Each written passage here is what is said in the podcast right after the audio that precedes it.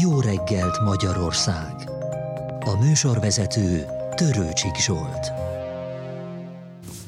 Két nagyon fontos gazdasági adat is érkezett az elmúlt tíz napban. Kiderült, hogy júliusban tovább lassult az infláció 17,6%-ra, a héten pedig megtudtuk azt is, hogy 2,4%-kal csökkent a gazdaság teljesítménye a második negyedévben az előző év azonos időszakához képest. Mit tud tenni a kormány, hogy újra növekedő pályára állítsa a gazdaságot, és hogyan hatnak a gazdasági folyamatokra az Oroszország elleni szankciók és az orosz-ukrán háború? Ezekről is kérdezem stúdiónk vendégét, Orbán Viktor miniszterelnököt. Jó reggelt kívánok! Jó reggelt kívánok, tisztelettel köszöntöm a hallgatókat. Ugye Nagy Márton gazdaságfejlesztési miniszter 14 célzott intézkedést sorolt fel, amelyel a kormány a gazdaság megerősítését és az infláció letörését segíti. Elegendőek lesznek ezek ahhoz, hogy a magyar gazdaság újra növekedési pályára álljon és tovább csökkenjen az infláció? Egy olyan helyzetben, amiben ma az európai gazdaság, és azon belül mi magyarok vagyunk, egymásra épülő lépéseket kell megtenni, hogy elhárítsuk a gazdasági nehézségeket. Ugye a baj gyökerét azt most nem tudjuk orvosolni. A baj gyökere az a háború. És amíg nincs béke, addig marad a háborús gazdaság, maradnak a háborús gazdasági körülmények. Úgy látom, hogy a brüsszeli bürokraták nem akarják visszavonni a szankciókat, bármi sürgetjük.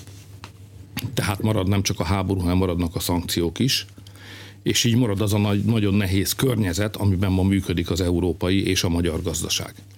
Tehát ha a háború véget érne, mondjuk a felek eh, jobb belátásra térnének és békét kötnének, vagy mondjuk csak az amerikaiak bejelentenék, hogy nem támogatják tovább a háborút, akkor pillanatok alatt megváltozna az a közeg, amiben ma működik az európai gazdaság.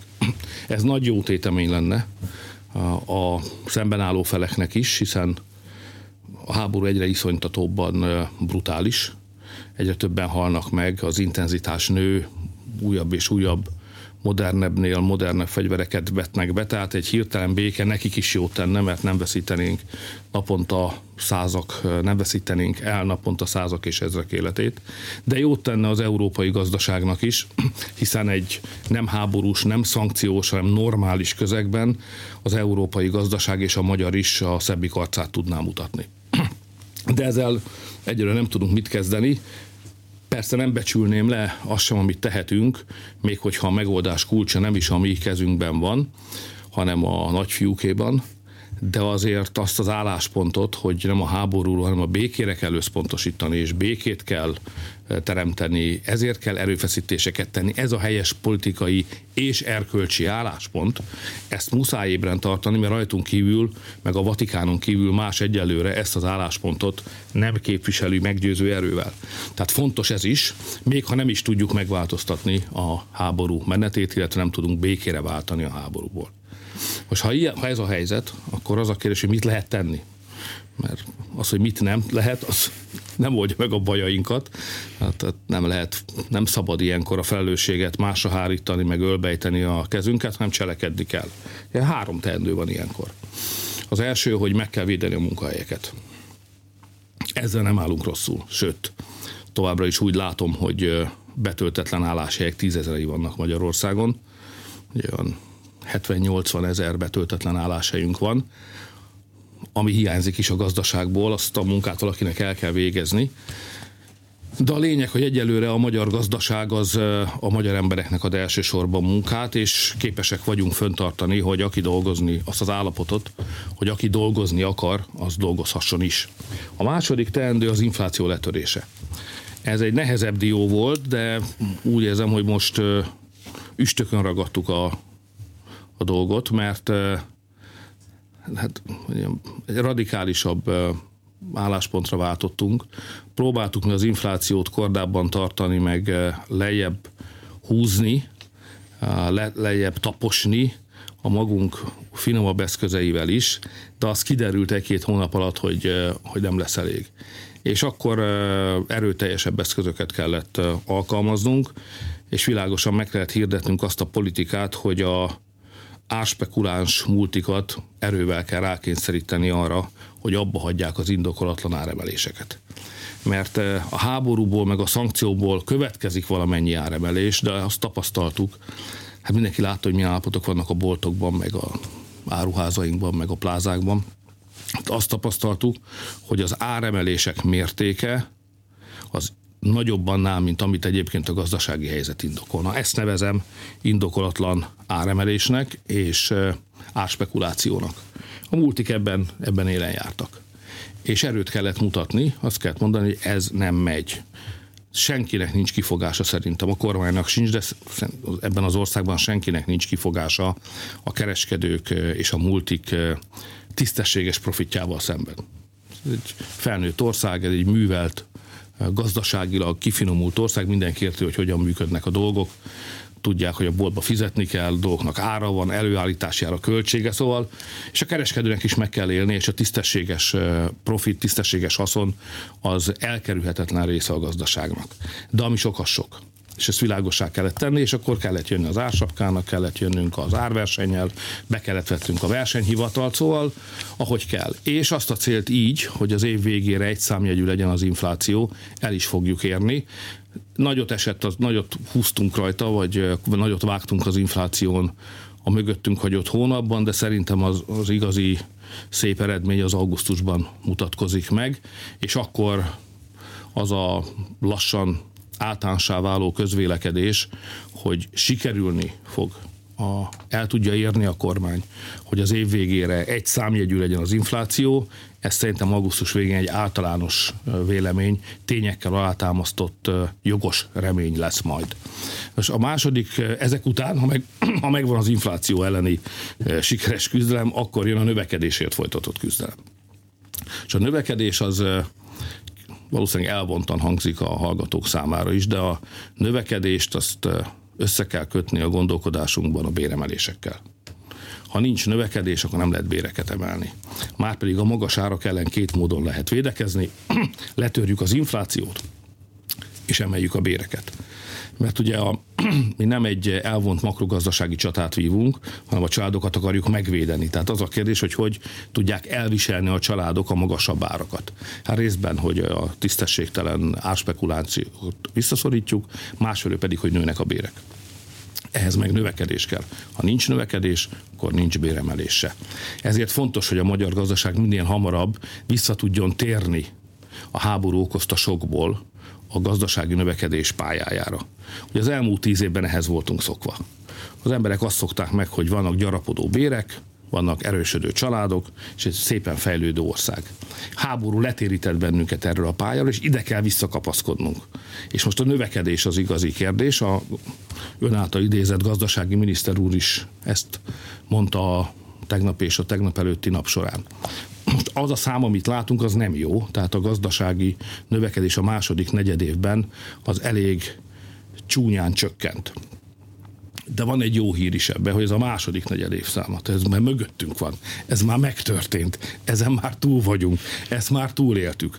És a harmadik negyedév, amiben most vagyunk, már érezhetően jobb, mint a második negyedév volt, tehát mikor kijön a, az összesítés és az elemzés a harmadik negyedévről, akkor látni fogjuk, hogy visszakanyarodunk arra a növekedési pályára, ahonnan a háború letérített bennünket. Ennek érdekében is számos döntést hozott a kormány, látja, hogy nyáron sem áll meg az élet, meg a munka ilyen nehéz gazdasági helyzetben.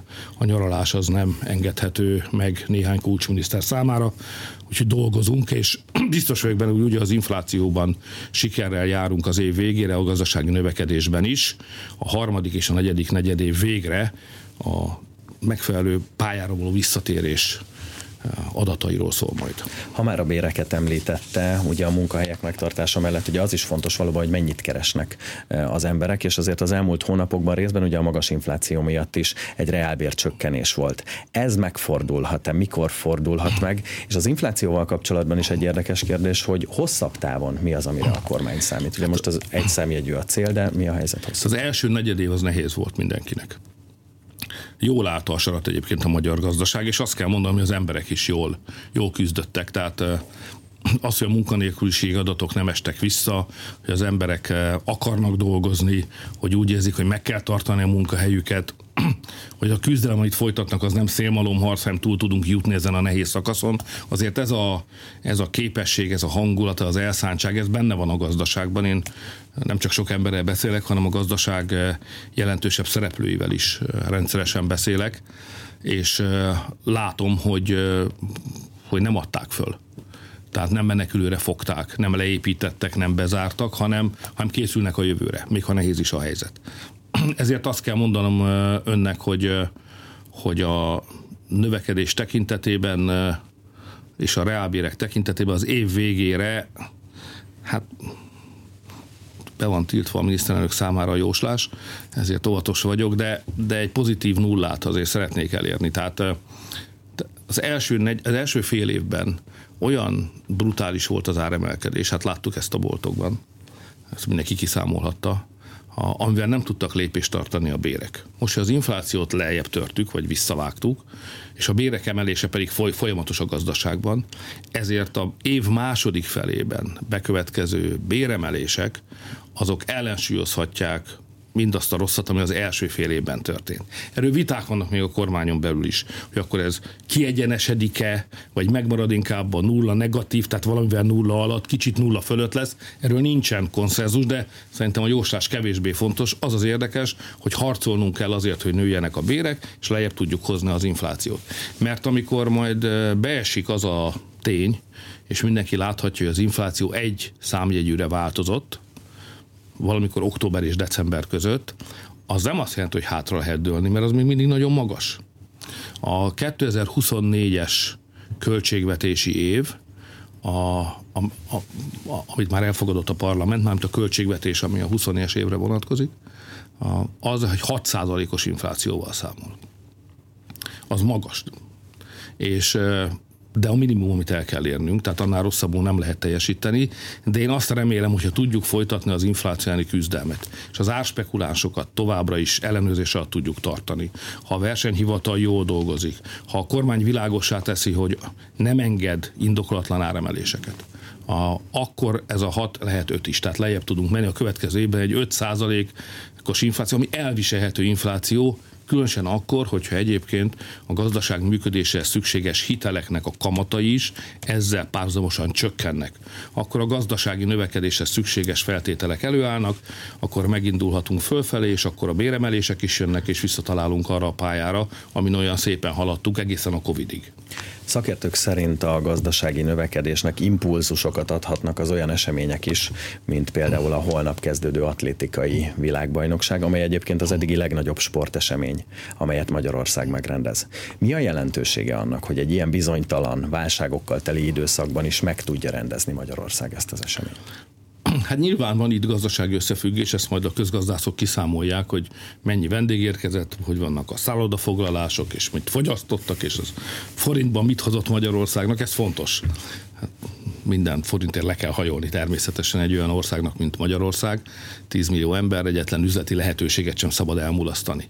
De azért itt egy nagyobb dologról van szó, mint egyszerű gazdasági kalkulációról, Ugye, nekünk volt egy nagy tervünk, amikor 2010-ben a meglehetősen lerongyolódott állapotban lévő országot, illetve fővárost ránk bízták a választópolgárok.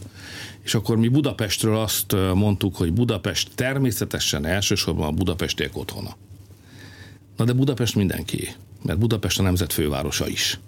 És a nemzet fővárosának olyan helynek kellene lennie, mondtuk akkor, hogy úgy érezze mindenki a világon, aki valaha is hallott Magyarországról, hogy ebbe az országba, aminek ilyen fantasztikus fővárosa van, mindenképpen el kell jönnie. De akkor kiderült, hogy nem tud ide eljönni számosokból, mert nincsenek szállodák, mert nincs ok, nincs alkalom, nincs esemény, nincs miért ide jönni. Leszámítva a történelmi iránt érdeklődőket, akik szerettek volna még a monarchi idejéből itt maradt fantasztikus főváros látni. És akkor azt a célt tűztük ki, hogy, az, hogy adjuk meg a fővárosnak mindazt, ami ahhoz kell, hogy bármilyen világeseményt vendégül tudjon látni. Kezdtük a gazdasággal. Az első nagy ilyen felújítási, beruházási teljesítmény az a Hung Expo felújítása volt. Hogy a vásárváros, tehát az üzlet, a kiállítások, azok, azoknak a térképére fölkerüljön Magyarország. Ugye a legutóbbi vadászati világhelytás jól mutatja, hogy milyen fantasztikusan sikerült a Hungexport helyrehozni. Az ma Európa egyik legmod, franciákkal közösen működtetett Hungexporról beszélek, az ma Európa egyik legmodernebb és legszínvonalasabb vásárvárosa. Aztán következtek a kulturális létesítmények, mert ugye egy lerongyolódott, elpiszkolódott városba azért nehéz vendégeket fogadni, és akkor jött a Várbazár, aztán a Vigadó, hát ezeket a klasszikus történeteket nyilván mindenki ismeri.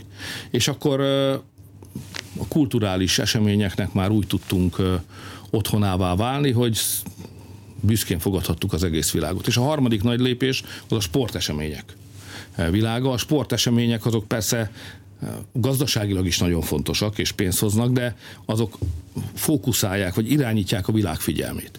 És akkor kezdtük ugye a vizes világbajnoksággal, aztán jött a labdarúgó Európa bajnokság, most itt az atlétikai VB, itt volt az Európa Liga döntő, ha jól értem az UEFA-nak és a Magyar Labdarúgó Szövetségnek a nyilatkozatait, akkor karnyújtásra vagyunk egy BL döntő megrendezésétől.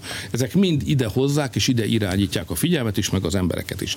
Tehát Budapestről azt mondhatjuk ma, hogy egy olyan nemzetnek a fővárosa, a mi fővárosunk, ahova el kell jönni úgy érezhető a világ, hogy még nem volt itt, az kimaradt valamiből.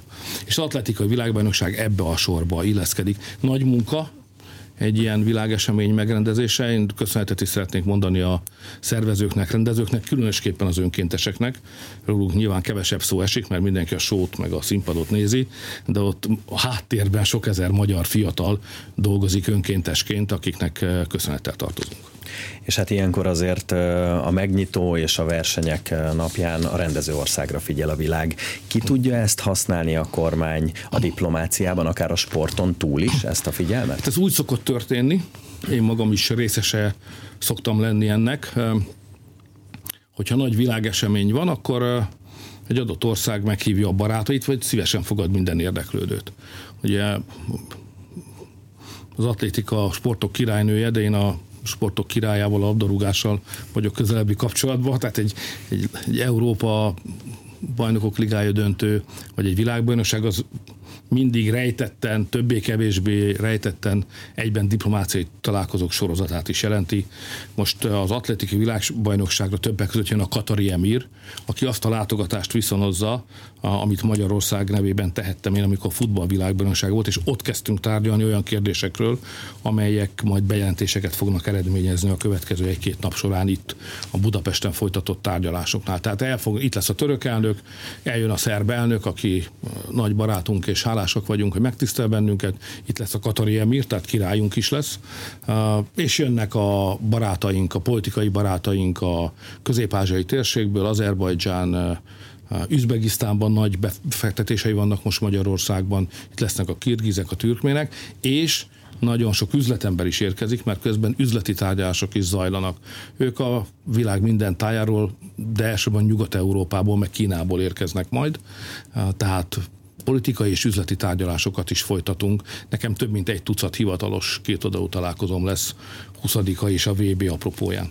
Igen, és hát ugye augusztus 20-a az államalapítás ünnepe is a hétvégén lesz, és hát nyilván ez egy apropó általában, hogy elgondolkodjon az ember azon, hogy, hogy egy több mint ezer éves keresztény államban élünk.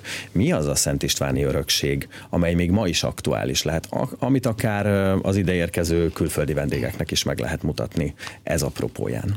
Hát nézze, a magyar történelem az egy izgalmas történelem, kacskaringós is, meg viharvert is miután rólunk szól, nekünk meg kedves is. És nem is ajánlom, hogy mindig leegyszerűsítsük a történelmi összefüggéseket, de ha egy nemzet történelmének történelmére megfelelő perspektívából tekintünk, és a születésnapok végül is erre valók, és ugye ez a keresztény magyar állam születésnapja augusztus 20-a, nem a magyar államé, mert a kereszténység előtt is volt magyar állam, az egy törzsi állam volt, ez a keresztény magyar állam születésének a, az évfordulója. Tehát ha ilyen több mint ezer éves távlatból nézünk rá a magyar történelemre, akkor nem tűnik olyan bonyolultnak ez a magyar történelem. Viszont viszont kötelezettséget, kötelezettséget ró mindenkire, aki magyarnak született. Ugye azt látjuk, hogy 1100 évvel ezelőtt egy komoly hadivállalkozás keretében fölkerekedtünk, összeszedtünk, vitatott, hogy mennyi, de sok tíz, illetve százezeren emberről beszélünk, akik fölkerekedtek, eljöttünk ide, kinéztük ezt a helyet, eh, ami akkor éppen gazdátlan volt, legalábbis a történészek nagy részének véleménye szerint, és itt berendezkedtünk. Eh, idegenként tehát messziről jöttünk. Itt nekünk nincsen rokonunk. Itt a mi nyelvünket nem beszéli senki. A mi kultúránk csak nekünk olyan fantasztikus, másoknak legfeljebb érdekesség. Tehát ide jöttünk, szigetszerűen élünk itt azóta, 1100 év óta a németek meg a szlávok között szigetszerűen élünk, és amit 1100 évvel ezelőtt el elfoglaltunk, ahol berendezkedtünk, az azóta tartjuk. A nyelvünket, a kultúránkat, a területünket. Ez néha nagyobb, néha kisebb, ez a lényegen nem változtat, hogy ezt a Kárpát-medencei magyar világot több mint 1100 éve kézben tartjuk. És az, hogy erre lehetőségünk van, és van mit kézben tartani, és van olyan hagyománya a magyar történelemnek, ami ma is segít túlélni, életben maradni, és egy szépen fejlődő országot enged meg a gyerekeink számára, abban Szent Istvánnak kult szerepe van azoknak a döntéseknek, alapvetően államszervezési döntéseknek, aminek része volt a kereszténység fölvétele is, de ennél többről van szó. Tehát államszervezési döntéseknek, amivel ezt a magyar világot itt megszervezte. Ezeken az alapokon állunk ma is. Persze a technika változott, az emberek is okosabbak lettek, a tudomány is előre haladt, de lényegét illetően, hogy hogyan kell berendezni az országot, hogyan kell megszervezni, milyen a közigazgatása, hogyan kell gondolkodni az ország irányításáról, hogyan tudnak az emberek eh, bekapcsolódni az ország munkájába, eh, hogyan egyesít bennünket a Szent Korona hagyomány. Ezek a dolgok mind-mind-mind eh, az első nagy keresztény királyunktól jönnek, és ez a születésnap arra alkalmas, hogy ezt részben megköszönjük neki, hogy fejet hajtsunk előtte, részben a tanulságokat zsebre vágjuk, és megértsük, hogy mit kell tenni a következő néhány száz vagy ezer évben ahhoz, hogy ez a magyar világ itt a Kárpát-medencébe megmaradjon. Ezért mondom, hogy ha magyar vagy, akkor te egy hivatással születtél meg, neked van egy küldetésed, az a dolgot, hogy ez a sziget, ez a nyelvi, kulturális, nagyszerű sziget, ez Magyarország és a magyar kultúra, az ne tűnjön el a földszínéről, mert rajtunk kívül ezt senki más nem tudja fenntartani. Ez a magyarok dolga.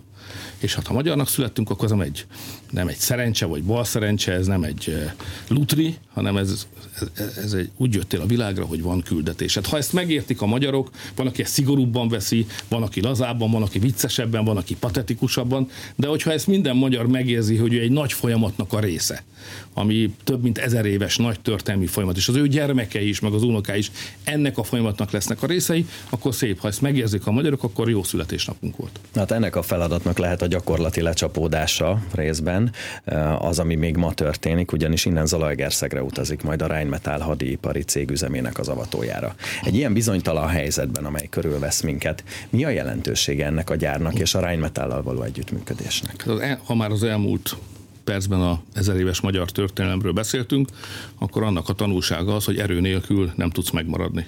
Tehát a békéhez is, meg a megmaradáshoz is kell erő. Kell lelki erő, kell gazdasági erő, és kell katonai erő is.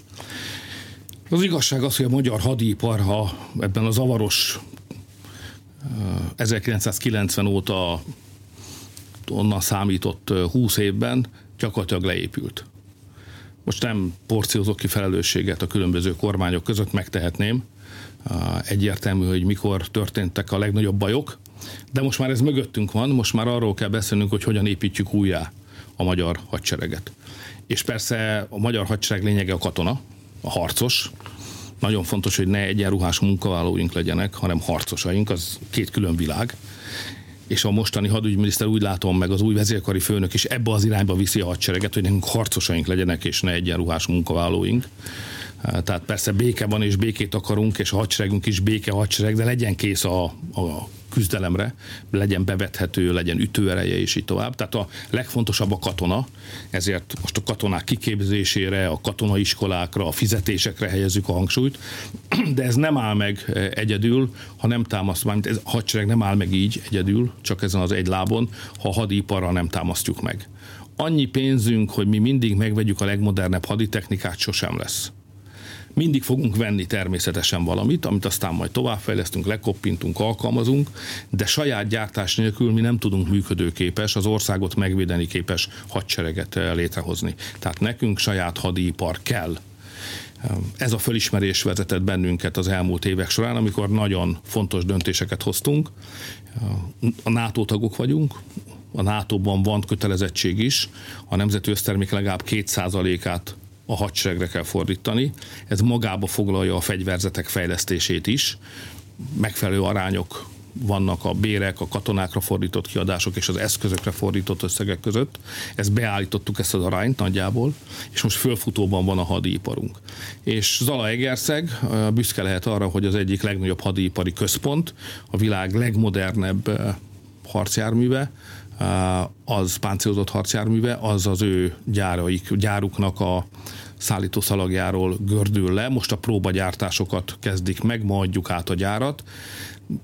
Ugye nullából nem lehet világszínvonalú technológiát fölépíteni, de a németek, valakivel együtt kell működni. Nekünk ez a németekkel szokott menni leginkább, a német iparra való együttműködésben erősek vagyunk, és most is egy olyan gyárat építettünk, ahol 49% magyar állami tulajdon van, és a legmodernebb, a világ legmodernebb, egyébként német technológiáját alkalmazzuk, és a következő hetekben fogunk még átadni hónapokban újabb üzemeket.